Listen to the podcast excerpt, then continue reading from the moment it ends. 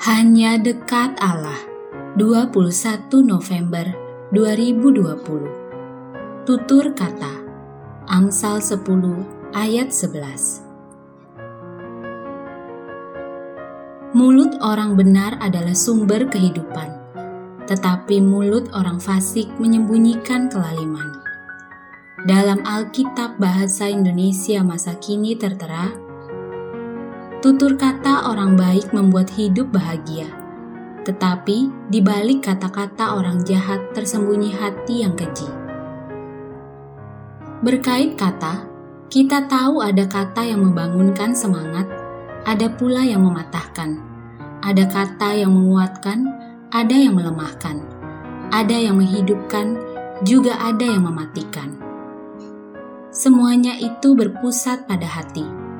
Kata-katanya bisa sama, kalimatnya pun sama persis, tetapi hati orang yang mengucapkannya memberikan nuansa berbeda bagi pendengarnya. Karena itu, menjaga hati menjadi panggilan mutlak dalam diri manusia.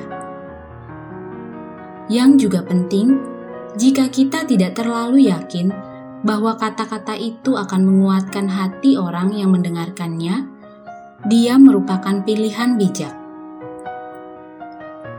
Ya, ngapain pula membuat orang lain sakit hati? Kayak nggak ada kerjaan aja. Salam semangat dari kami, Literatur Perkantas Nasional, sahabat Anda bertumbuh.